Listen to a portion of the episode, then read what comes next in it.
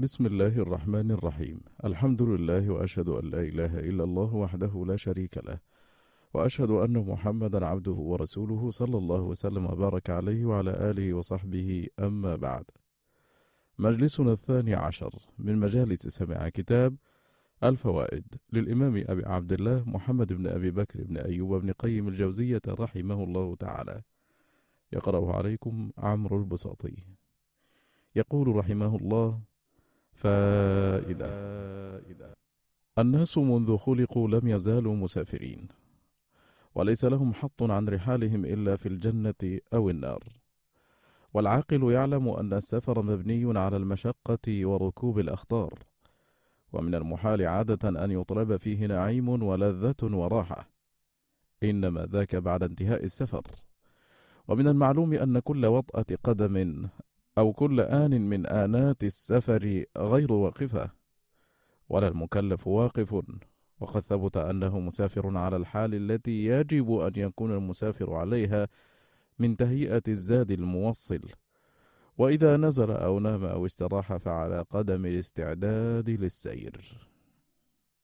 فائدة. عند العارفين أن الاشتغال بالمشاهدة عن البر في السير وقوف. لأنه في زمن المشاهدة لو كان صاحب عمل ظاهر أو باطن أو ازدياد من معرفة وإيمان مفصل كان أولى به. فإن اللطيفة الإنسانية تحشر على صورة عملها ومعرفتها وهمتها وإرادتها. والبدن يحشر على صورة عمله الحسن أو القبيح. وإذا انتقلت من هذه الدار شاهدت حقيقة ذلك. وعلى قدر قرب قلبك من الله تبعد من الأنس بالناس ومساكنتهم. وعلى قدر صيانتك لسرك وإرادتك يكون حفظه وملاك ذلك صحة التوحيد ثم صحة العلم بالطريق ثم صحة الإرادة ثم صحة العمل. والحذر كل الحذر من قصد الناس لك وإقبالهم عليك وأن يعثروا على موضع غرضك فإنها الآفة العظمى. فصل.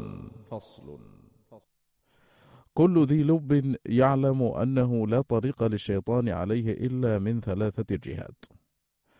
أحدها التزيد والإسراف. فيزيد على قدر الحاجة فتصير فضلة وهي حظ الشيطان ومدخله إلى القلب. وطريق الاحتراز منه الاحتراز من إعطاء النفس تمام مطلوبها من غذاء أو نوم أو لذة أو راحة. فمتى أغلقت هذا الباب حصل الأمان من دخول العدو منه. الثانية الغفلة. فإن الذاكر في حصن الذكر. فمتى غفل فتح باب الحصن فولجه العدو فيعسر عليه أو يصعب إخراجه. الثالثة تكلف ما لا يعنيه من جميع الأشياء. فائدة. طالب النفوذ إلى الله والدار الآخرة بل وإلى كل علم وصناعة ورئاسة بحيث يكون رأسا في ذلك مقتدا به. فيه يحتاج أن يكون شجاعا مقداما حاكما على وهمه غير مقهور تحت سلطان تخيله زاهدا في كل ما سوى مطلوبه عاشقا لما توجه إليه عارفا بطريق الوصول إليه والطرق القواطع عنه مقدام الهمة ثابت الجأش لا يثنيه عن مطلوبه لو ملائم ولا عذل عاذل. كثير السكون دائم الفكرة غير مائل مع لذة المدح ولا ألم الذم. قائما بما يحتاج إليه من أسباب معونته لا تستفزه المعارضات شعاره الصبر وراحته التعب.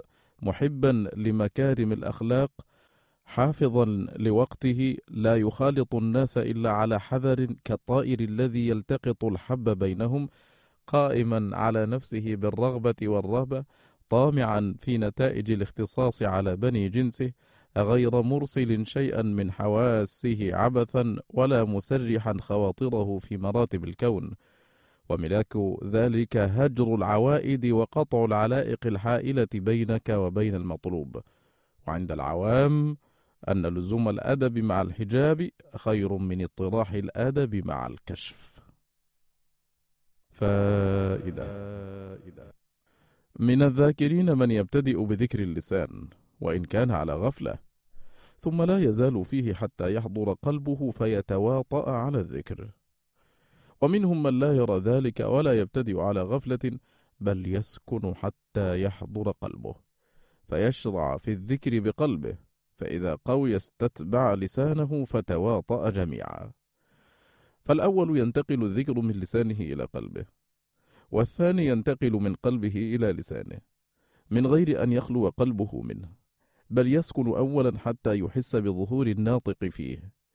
فإذا أحس بذلك نطق قلبه ثم انتقل النطق القلبي إلى الذكر اللساني.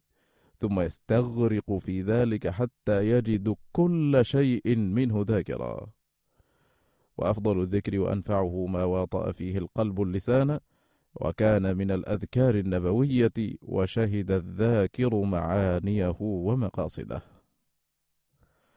فصل. فصل. أنفع الناس لك رجل مكنك من نفسه حتى تزرع فيه خيرا أو تصنع إليه معروفا. فإنه نعم العون لك على منفعتك وكمالك.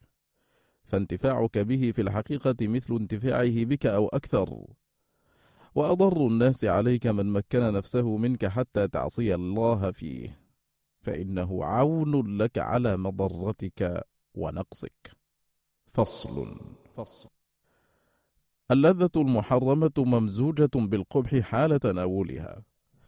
مثمرة للألم بعد انقضائها. فإذا اشتدت الداعية منك إليها ففكر في انقطاعها وبقاء قبحها وألمها. ثم وازن بين الأمرين. وانظر ما بينهما من التفاوت. والتعب بالطاعة ممزوج بالحسن مثمر للذة والراحة. فإذا ثقلت على النفس ففكر في انقطاع تعبها وبقاء حسنها ولذتها وسرورها. ووازن بين الأمرين. وآثر الراجح على المرجوح. فإن تألمت بالسبب فانظر إلى ما في المسبب من الفرحة والسرور واللذة. يهن عليك مقاساته. وإن تألمت بترك اللذة المحرمة فانظر إلى الألم الذي يعقبه ووازن بين الألمين. وخاصية العقل تحصيل أعظم المنفعتين بتفويت أدناهما واحتمال أصغر الألمين لدفع أعلاهما. وهذا يحتاج إلى علم بالأسباب ومقتضياتها. وإلى عقل يختار به الأولى والأنفع له منها. فمن وفر قسمه من العقل والعلم اختار الأفضل وآثره. ومن نقص حظه منهما أو من أحدهما اختار خلافه. ومن فكر في الدنيا والآخرة علم أنه لا ينال واحدا منهما إلا بمشقة فليتحمل المشقة لخيرهما وأبقاهما. فصل فصل. لله على العبد في كل عضو من أعضائه أمر وله عليه فيه نهي وله فيه نعمة وله به منفعة ولذة. فإن قام لله في ذلك العضو بأمره واجتنب فيه نهيه فقد أدى شكر نعمته عليه فيه وسعى في تكميل انتفاعه ولذته به. وإن عطل أمر الله ونهيه فيه عطله الله من انتفاعه بذلك العضو وجعله من أكبر أسباب ألمه ومضرته. وله عليه في كل وقت من أوقاته عبودية تقدمه إليه وتقربه منه. فإن شغل وقته بعبودية الوقت تقدم إلى ربه. وإن شغله بهوى أو راحة وبطالة تأخر فالعبد لا يزال في تقدم وتأخر ولا وقوف في الطريق البتة. قال تعالى لمن شاء منكم أن يتقدم أو يتأخر. فصل فصل. أقام الله سبحانه هذا الخلق بين الأمر والنهي والعطاء والمنع فافترقوا فرقتين. فرقة قابلت أمره بالترك ونهيه بالارتكاب وعطاءه بالغفلة عن الشكر ومنعه بالسخط وهؤلاء أعداؤه وفيه من العداوة بحسب ما فيه من ذلك. وقسم قالوا إنما نحن عبيدك فإن أمرتنا سارعنا إلى الإجابة وإن نهيتنا أمسكنا نفوسنا وكففناها عما نهيتنا عنه. وإن أعطيتنا حمدناك وإن منعتنا تضرعنا إليك وذكرناك. فليس بين هؤلاء وبين الجنة إلا ستر الحياة الدنيا. فإذا مزقه عليهم الموت صاروا إلى النعيم المقيم وقرة الأعين. كما أن أولئك ليس بينهم وبين النار إلا ستر الحياة. فإذا مزقه الموت صاروا إلى الحسرة والألم. فإذا تصادمت جيوش الدنيا والآخرة في قلبك وأردت أن تعلم من أي الفريقين أنت فانظر مع من تميل منهما ومع من تقاتل. إذ لا يمكنك الوقوف بين الجيشين فأنت مع أحدهما لا محالة. فالفريق الأول استغشوا الهوى فخالفوه واستنصحوا العقل فشاوروه وفرغوا قلوبهم للفكر فيما خلقوا له.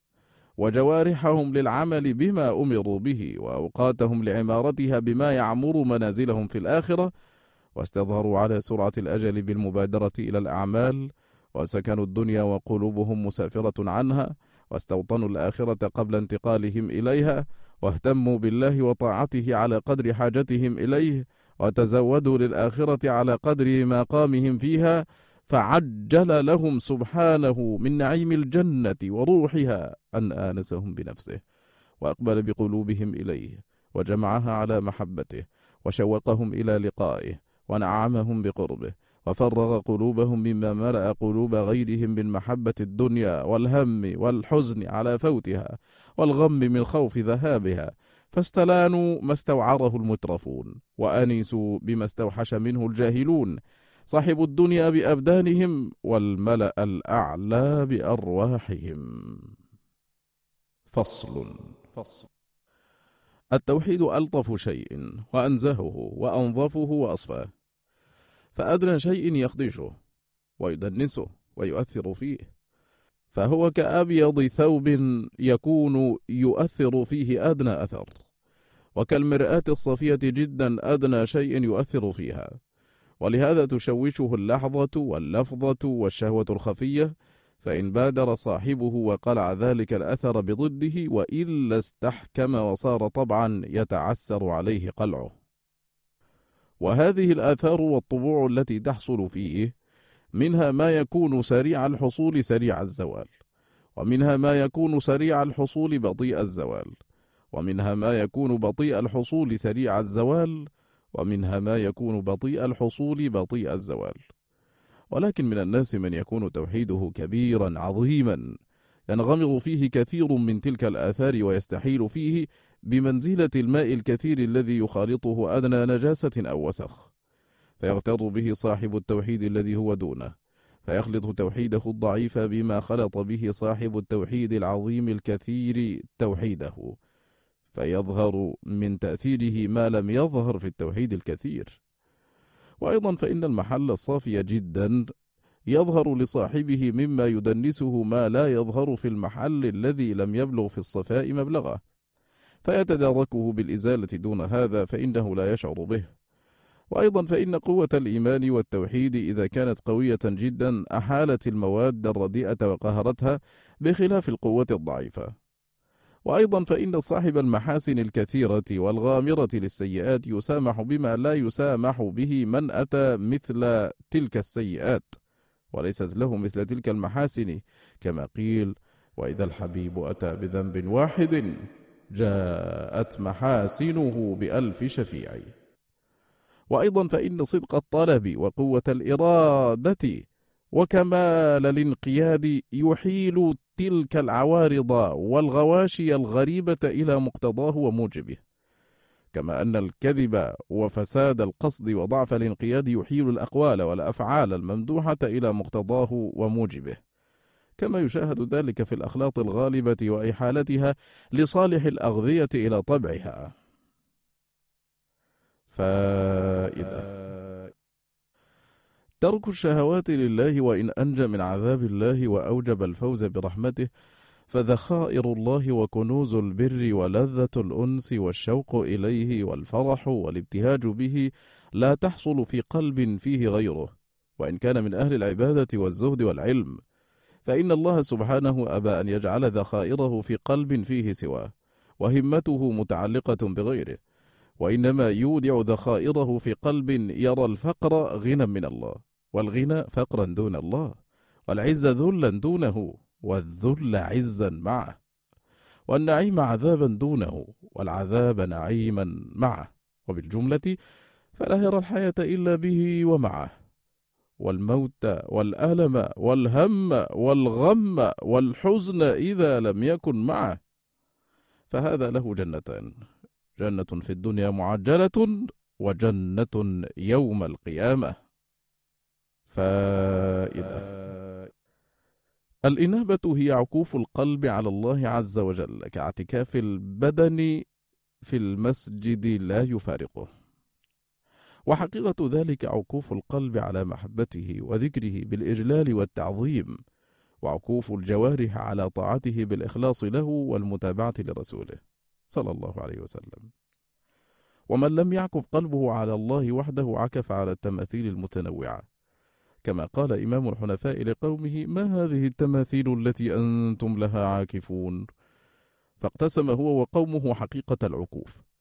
فكان حظ قومه العكوف على التماثيل وكان حظه العكوف على الرب الجليل. والتماثيل جمع تمثال وهي الصور الممثلة. فتعلق القلب بغير الله واشتغاله به والركون إليه عكوف منه على التماثيل التي قامت بقلبه. وهو نظير العكوف على تماثيل الأصنام. ولهذا كان شرك عباد الأصنام بالعكوف بقلوبهم وهممهم وإراداتهم على تماثيلهم. فإذا كان في القلب تماثيل قد ملكته واستعبدته بحيث يكون عاكفا عليها فهو نظير عكوف عباد الأصنام عليها. ولهذا سماه النبي صلى الله عليه وسلم عبدا لها ودعا عليه بالتعس والنكس. فقال تعس عبد الدينار تعس عبد الدرهم تعس وانتكس وإذا شيك فلا انتقش الناس في هذه الدار على جناح سفر كلهم وكل مسافر فهو ضاعن إلى مقصده ونازل على من يسر بالنزول عليه. وطالب الله والدار الآخرة إنما هو ضاعن إلى الله في حال سفره ونازل عليه عند القدوم عليه. فهذه همته في سفره وفي انقضائه. يا أيتها النفس المطمئنة ارجعي إلى ربك راضية مرضية. فادخلي في عبادي وادخلي جنتي. وقالت امرأة فرعون رب ابن لي عندك بيتا في الجنة فطلبت كون البيت عنده قبل طلبها أن يكون في الجنة فإن الجار قبل الدار من كلام الشيخ علي. قيل لي في نوم كاليقظة أو يقظة كالنوم لا تبدي فاقة إلى غيري فأضاعفها عليك مكافأة لخروجك عن حدك في عبوديتك. ابتليتك بالفقر لتصير ذهبا خالصا فلا تزيفن بعد السبك. حكمت لك بالفقر ولنفسي بالغنى فإن وصلتها بي وصلتك بالغنى وإن وصلتها بغيري حسمت عنك مواد معونتي طردا لك عن بابي. لا تركن إلى شيء دوننا فإنه وبال عليك وقاتل لك. إن ركنت إلى العمل رددناه عليك وإن ركنت إلى المعرفة نكرناها عليك وإن ركنت إلى الوجد استدرجناك فيه وإن ركنت إلى العلم أوقفناك معه وإن ركنت إلى المخلوقين وكلناك إليهم. ارضنا لك ربا نرضاك لنا عبدا. فائدة. الشهقة التي تعرض عند سماع القرآن أو غيره لها أسباب. أحدها أن يلوح له عند السماع درجة ليست له فيرتاح إليها فتحدث له الشاقة فهذه شاهقة شوق. وثانيها أن يلوح له ذنب ارتكبه فيشهق خوفا وحزنا على نفسه. وهذه شهقة خشية. وثالثها أن يلوح له نقص فيه لا يقدر على دفعه عنك. فيحدث له ذلك حزنا فيشهق شهقة حزن. ورابعها أن يلوح له كمال محبوبه ويرى الطريق إليه مسدودة عنه فيحدث ذلك شهقة أسف وحزن. وخامسها أن يكون قد توارى عنه محبوبه واشتغل بغيره فذكره السماع محبوبه فلاح له جماله ورأى الباب مفتوحا والطريق ظاهرة فشهق فرحا وسرورا بما لاح له. وبكل حال فسبب الشهقة قوة الوارد وضعف المحل عن الاحتمال. والقوة أن يعمل ذلك الوارد عمله داخلا ولا يظهر عليه. وذلك أقوى له وأدوم. فإنه إذا أظهره ضعف أثره وأوشك انقطاعه. هذا حكم الشاقة من الصادق. فإن الشاهق إما صادق وإما سارق وإما منافق. قاعدة نافعة. أصل الخير والشر من قبل التفكر. فإن الفكر مبدأ الإرادة والطلب والزهد والترك والحب والبغض. وأنفع الفكر الفكر في مصالح المعاد وفي طرق اجتلابها وفي دفع مفاسد المعاد وفي طرق اجتنابها. فهذه أربعة أفكار هي أجل الأفكار. ويليها أربعة فكر في مصالح الدنيا وطرق تحصيلها وفكر في مفاسد الدنيا وطرق الاحتراز منها. فعلى هذه الأقسام الثمانية دارت أفكار العقلاء. ورأس القسم الأول الفكر في آلاء الله ونعمه وأمره ونهيه وطرق العلم به وبأسمائه وصفاته من كتابه وسنة نبيه وما والاهما. وهذا الفكر يثمر لصاحبه المحبة والمعرفة. فإذا فكر في الآخرة وشرفها ودوامها وفي الدنيا وخستها وفنائها أثمر له ذلك الرغبة في الآخرة والزهد في الدنيا. وكلما فكر في قصر الأمل وضيق الوقت أورثه ذلك الجد والاجتهاد وبذل الوسع في اغتنام الوقت. وهذه الأفكار تعلي همته وتحييها بعد موتها وسفولها وتجعله في واد والناس في واد. وبإزاء هذه الأفكار الأفكار الرديئة التي تجول في قلوب أكثر هذا الخلق. فالفكر فيما لم يكلف الفكر فيه ولا أعطي الإحاطة به من فضول العلم الذي لا ينفع. كالفكر في كيفية ذات الرب وصفاته مما لا سبيل للعقول إلى إدراكه. ومنها الفكر في الصناعات الدقيقة التي لا تنفع بل تضر كالفكر في الشطرنج والموسيقى وأنواع الأشكال والتصاوير. ومنها الفكر في العلوم التي لو كانت صحيحة لم يعطي الفكر فيها النفس كمالا ولا شرفا. كالفكر في دقائق المنطق والعلم الرياضي والطبيعي وأكثر علوم الفلاسفة التي لو بلغ الإنسان غاياتها لم يكمل بذلك ولم تزك نفسه. ومنها الفكر في الشهوات واللذات وطرق تحصيلها.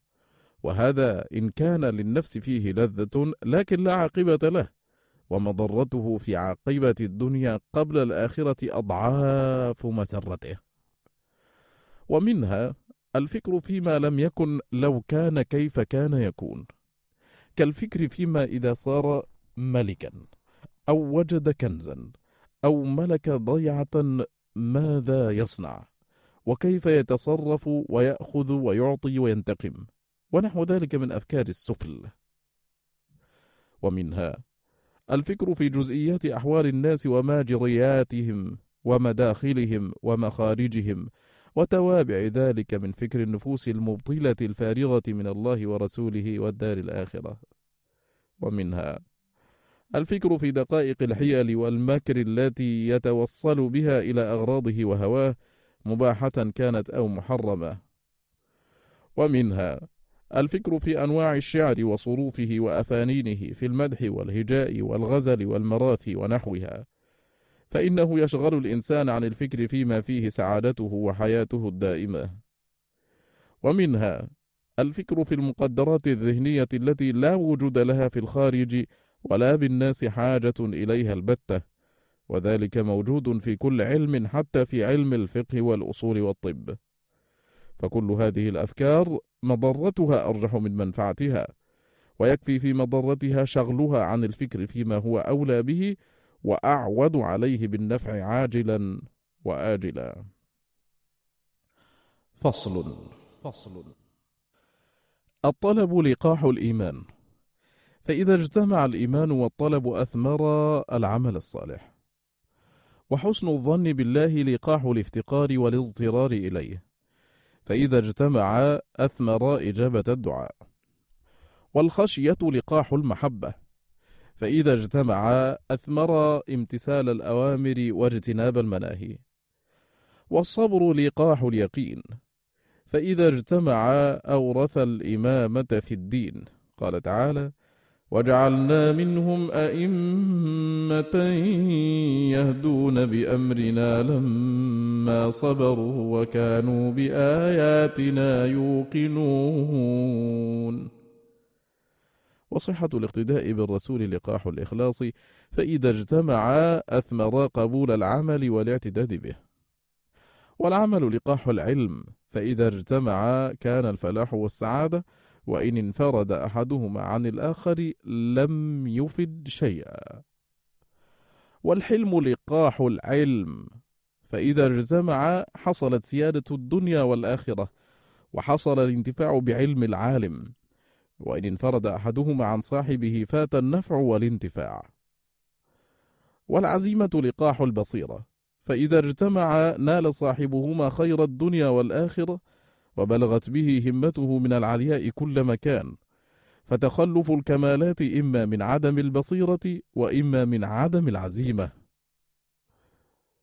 وحسن القصد لقاح لصحة الذهن. فإذا فقد فقد الخير كله وإذا اجتمع أثمرا أنواع الخيرات. وصحة الرأي لقاح الشجاعة. فإذا اجتمع كان النصر والظفر.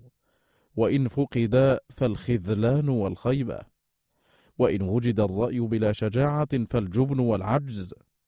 وإن حصلت الشجاعة بلا رأي فالتهور والعطب. والصبر لقاح البصيرة. فإذا اجتمع فالخير في اجتماعهما.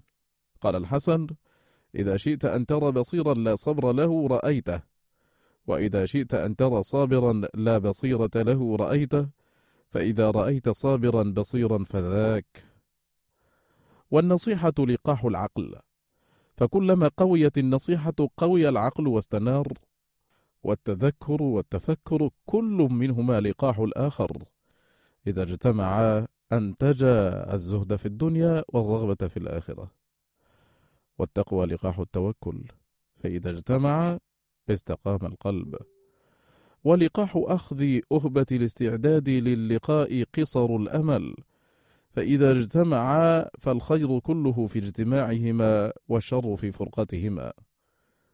ولقاح الهمة العالية النية الصحيحة. فإذا اجتمع بلغ العبد غاية المراد. قاعدة. للعبد بين يدي الله موقفان. موقف بين يديه في الصلاة وموقف بين يديه يوم لقائه. فمن قام بحق الموقف الأول هون عليه الموقف الآخر ومن استهان بهذا الموقف ولم يوفيه حقه شدد عليه ذلك الموقف. قال تعالى ومن الليل فاسجد له وسبحه ليلا طويلا. إن هؤلاء يحبون العاجلة ويذرون وراءهم يوما ثقيلا. قاعدة. قاعدة. اللذة من حيث هي مطلوبة للإنسان بل ولكل حي. فلا تذم من جهة كونها لذة. وإنما تذم ويكون تركها خيرا من نيلها وأنفع إذا تضمنت فوات لذة أعظم منها وأكمل. أو أعقبت ألما حصوله أعظم من ألم فواتها. فها هنا يظهر الفرق بين العاقل الفاطن والأحمق الجاهل. فمتى عرف العقل التفاوت بين اللذتين والألمين وأنه لا نسبة لأحدهما إلى الآخر هان عليه ترك أدنى اللذتين لتحصيل أعلاهما. واحتمال أيسر الألمين لدفع أعلاهما. وإذا تقررت هذه القاعدة فلذة الآخرة أعظم وأدوم ولذة الدنيا أصغر وأقصر. وكذلك ألم الآخرة وألم الدنيا. والمعول في ذلك على الإيمان واليقين. فإذا قوي اليقين وباشر القلب آثر الأعلى على الأدنى في جانب اللذة. واحتمل الألم الأسهل على الأصعب. والله المستعان. فإذا قوله تعالى وأيوب إذ نادى ربه أني مسني الضر وأنت أرحم الراحمين. جمع في هذا الدعاء بين حقيقة التوحيد وإظهار الفاقة والفقر إلى ربه ووجود طعم المحبة في التملق له والإقرار له بصفة الرحمة وأنه أرحم الراحمين والتوسل إليه بصفاته سبحانه وشدة حاجته هو وفقره. ومتى وجد المبتلى هذا كشفت عنه بلواه. وقد جرب أنه من قالها سبع مرات ولا سيما مع هذه المعرفة كشف الله ضره. فإذا قوله تعالى عن يوسف نبيه إنه قال أنت وليي في الدنيا والآخرة توفني مسلما وألحقني بالصالحين. جمعت هذه الدعوة الإقرار بالتوحيد والاستسلام للرب وإظهار الافتقار إليه والبراءة من موالاة غيره سبحانه وكون الوفاة على الإسلام أجل غايات العبد وأن ذلك بيد الله لا بيد العبد. والاعتراف بالمعاد وطلب مرافقة السعداء. فإذا قول الله تعالى وإن من شيء إلا عندنا خزائنه. متضمن لكنز من الكنوز وهو أن كل شيء لا يطلب إلا ممن عنده خزائنه. ومفاتيح تلك الخزائن بيديه وأن طلبه من غيره طلب ممن ليس عنده ولا يقدر عليه. وقوله وأن إلى ربك المنتهى متضمن لكنز عظيم.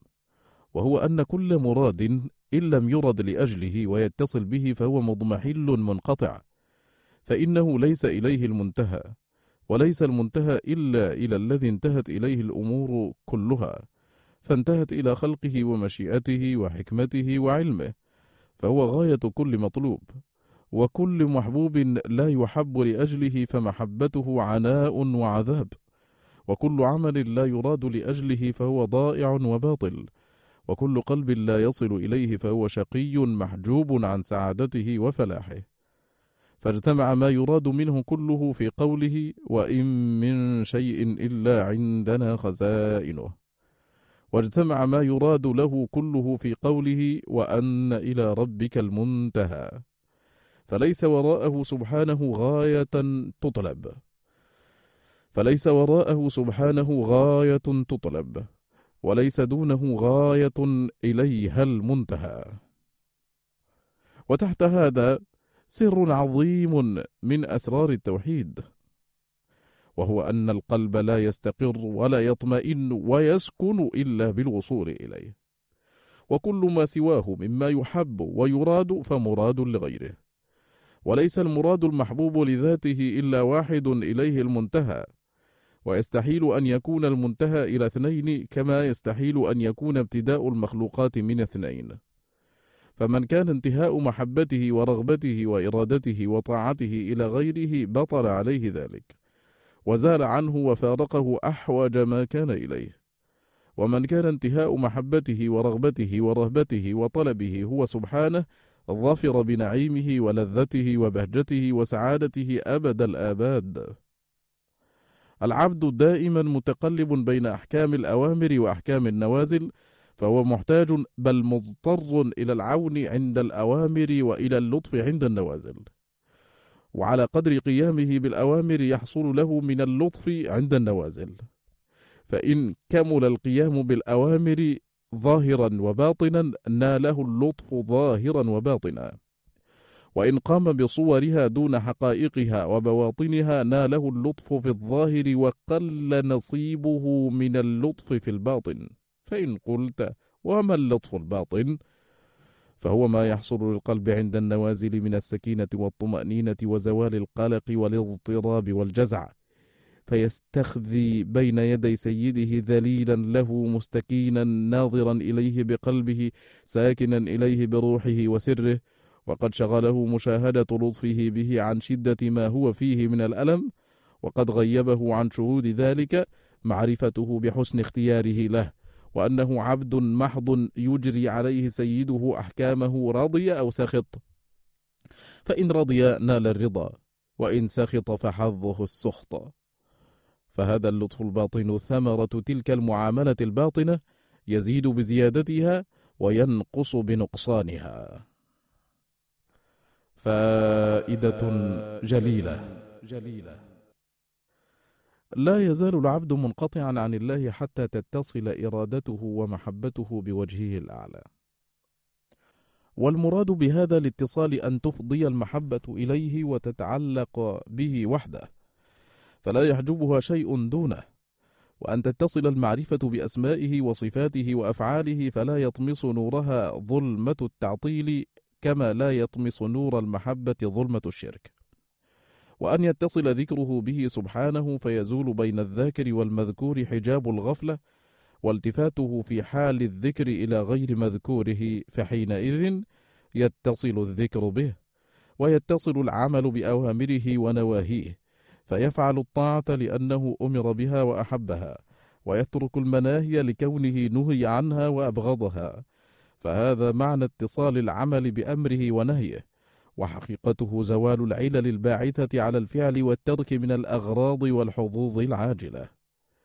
ويتصل التوكل والحب به بحيث يصير واثقا به سبحانه مطمئنا إليه راضيا بحسن تدبيره له غير مهتم له في حال من الأحوال. ويتصل فقره وفاقته به سبحانه دون من سواه. ويتصل خوفه ورجاؤه وفرحه وسروره وابتهاجه به وحده. فلا يخاف غيره ولا يرجوه ولا يفرح به كل الفرح ولا يسر به غاية السرور. وإنا له بالمخلوق بعض الفرح والسرور فليس الفرح التام والسرور الكامل والابتهاج والنعيم وقرة العين وسكون القلب إلا به سبحانه. وما سواه إن أعان على هذا المطلوب فرح به وسر به. وإن حجب عنه فهو بالحزن به والوحشة منه واضطراب القلب بحصوله أحق منه بأن يفرح به فلا فرحة ولا سرور إلا به أو بما أوصل إليه وأعان على مرضاته. وقد أخبر سبحانه أنه لا يحب الفرحين بالدنيا وزينتها وأمر بالفرح بفضله وبرحمته.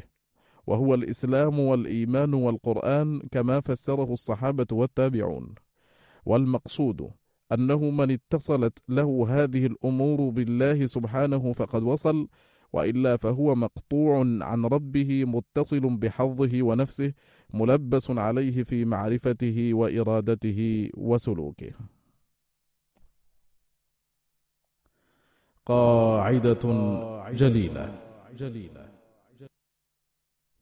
فكرت في هذا الأمر فإذا أصله أن تعلم أن النعم كلها من الله وحده. نعم الطاعات ونعم اللذات. فترغب إليه أن يلهمك ذكرها ويوزعك شكرها.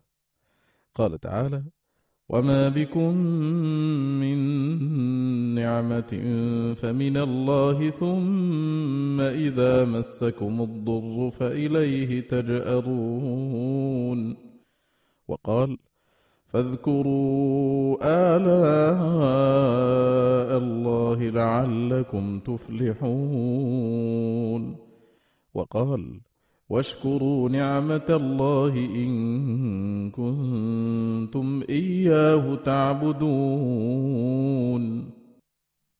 وكما أن تلك النعم منه ومن مجرد فضله فذكرها وشكرها لا ينال إلا بتوفيقه. والذنوب من خذلانه وتخليه وتخليه عن عبده وتخليته بينه وبين نفسه. وإن لم يكشف ذلك عن عبده فلا سبيل له إلى كشفه عن نفسه.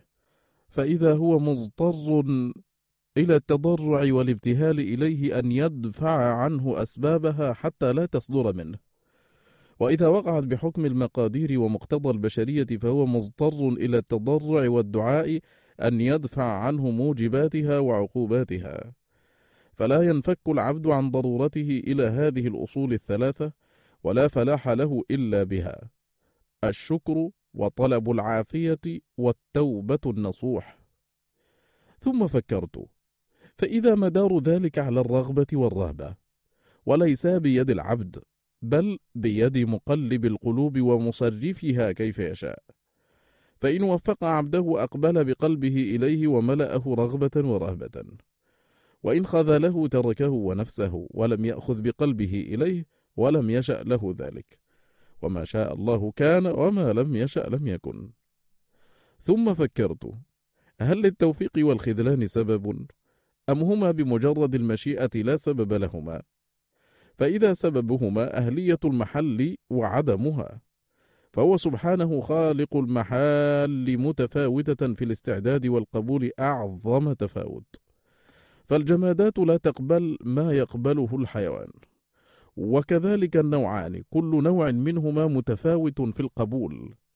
فالحيوان الناطق لا يقبل ما يقبله البهيم. وهو متفاوت في القبول أعظم تفاوت. وكذلك الحيوان البهيم متفاوت في القبول لكن ليس بين النوع الواحد من التفاوت كما بين النوع الإنساني.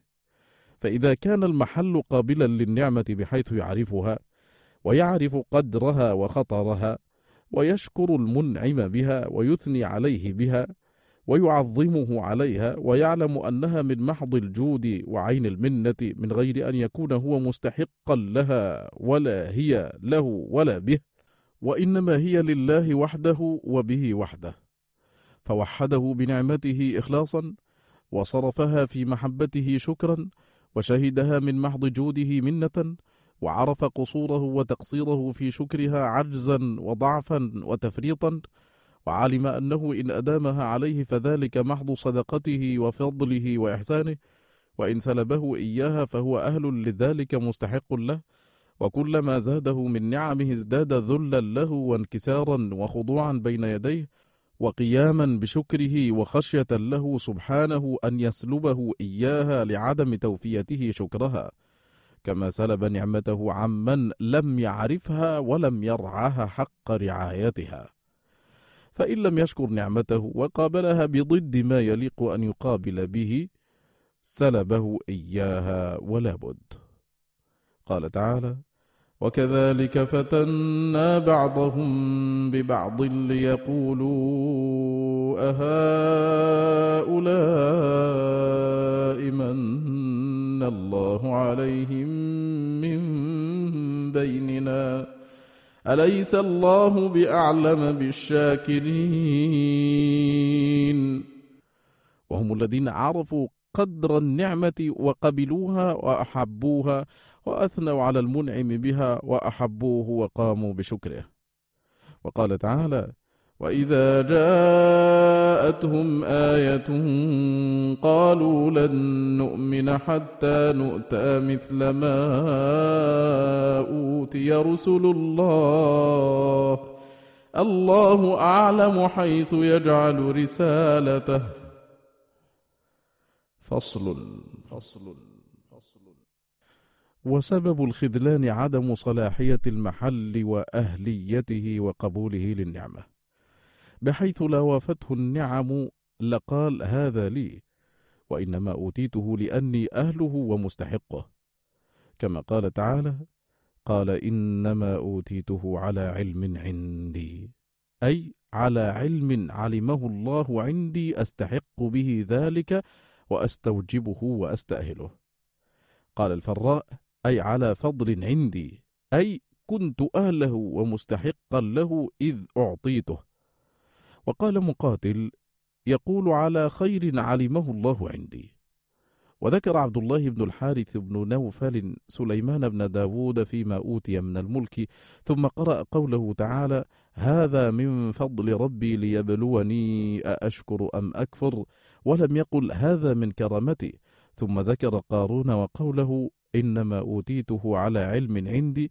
يعني أن سليمان رأى ما أوتيه من فضل الله عليه ومنته. وأنه ابتلى به شكره. وقارون رأى ذلك من نفسه واستحقاقه.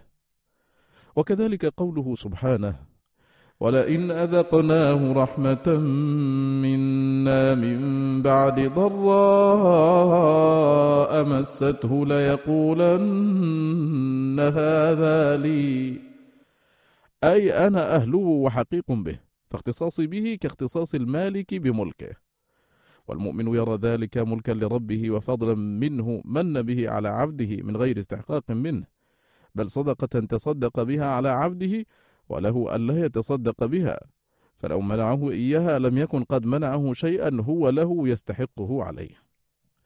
فإذا لم يشهد ذلك رأى فيه أهلا ومستحقا فأعجبته نفسه وطغت بالنعمة وعلت بها واستطالت على غيرها فكان حظها منها الفرح والفخر. كما قال تعالى ولئن أذقنا الإنسان منا رحمة ثم نزعناها منه إنه ليئوس كفور. ولئن أذقناه نعماء بعد ضراء مسته ليقولن ذهب السيئات عني. إنه لفرح فخور.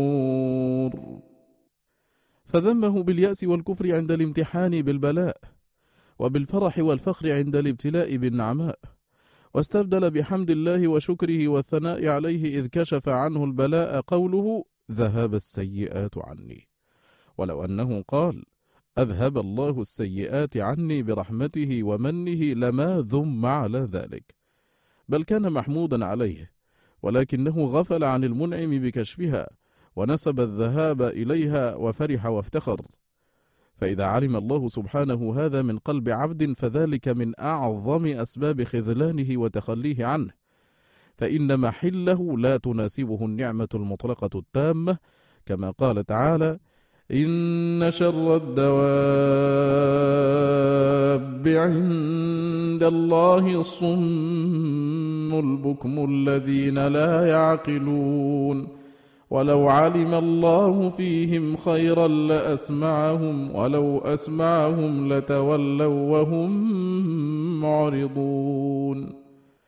فأخبر سبحانه أن محلهم غير قابل لنعمته.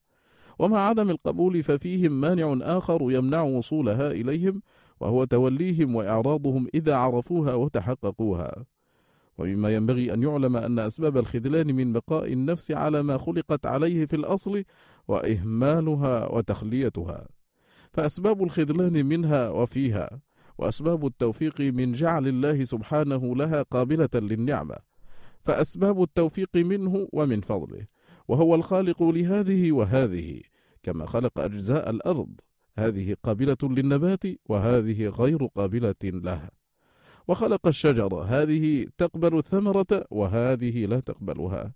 وخلق النحلة قابلة لأن يخرج من بطونها شراب مختلف ألوانه والزنبور غير قابل لذلك. وخلق الأرواح الطيبة قابلة لذكره وشكره ومحبته وإجلاله وتعظيمه وتوحيده ونصيحة عباده وخلق الأرواح الخبيثة غير قابلة لذلك بل لضده وهو الحكيم العليم. إلى هنا تم مجلسنا هذا وبه كان انتهاء قراءة كتاب الفوائد لشيخ الإسلام ابن القيم رحمه الله تعالى وكان ذلك في يوم الخميس السابع عشر من شهر رجب لعام واحد وأربعين وأربعمائة وألف لهجرة الموافق الثاني عشر من شهر مارس سنة عشرين وألفين. نسأل الله تبارك وتعالى أن يتقبل منا هذه الرحلة في موازين الحسنات وأن يرزقنا خيرها وغنمها وبرها وذخرها ونورها وبركتها وهداها. وأن يكفينا شرها ومحجتها اللهم آمين. كان هذا هو الكتاب الثاني من مكتبة الإمام ابن القيم المسموعة وحتى نلتقي معكم مع الكتاب الثالث من مكتبة ابن القيم المسموعة. نترككم على خير وبخير وصلى الله وسلم وبارك على سيدنا محمد وآله وصحبه. والسلام عليكم ورحمة الله تعالى وبركاته.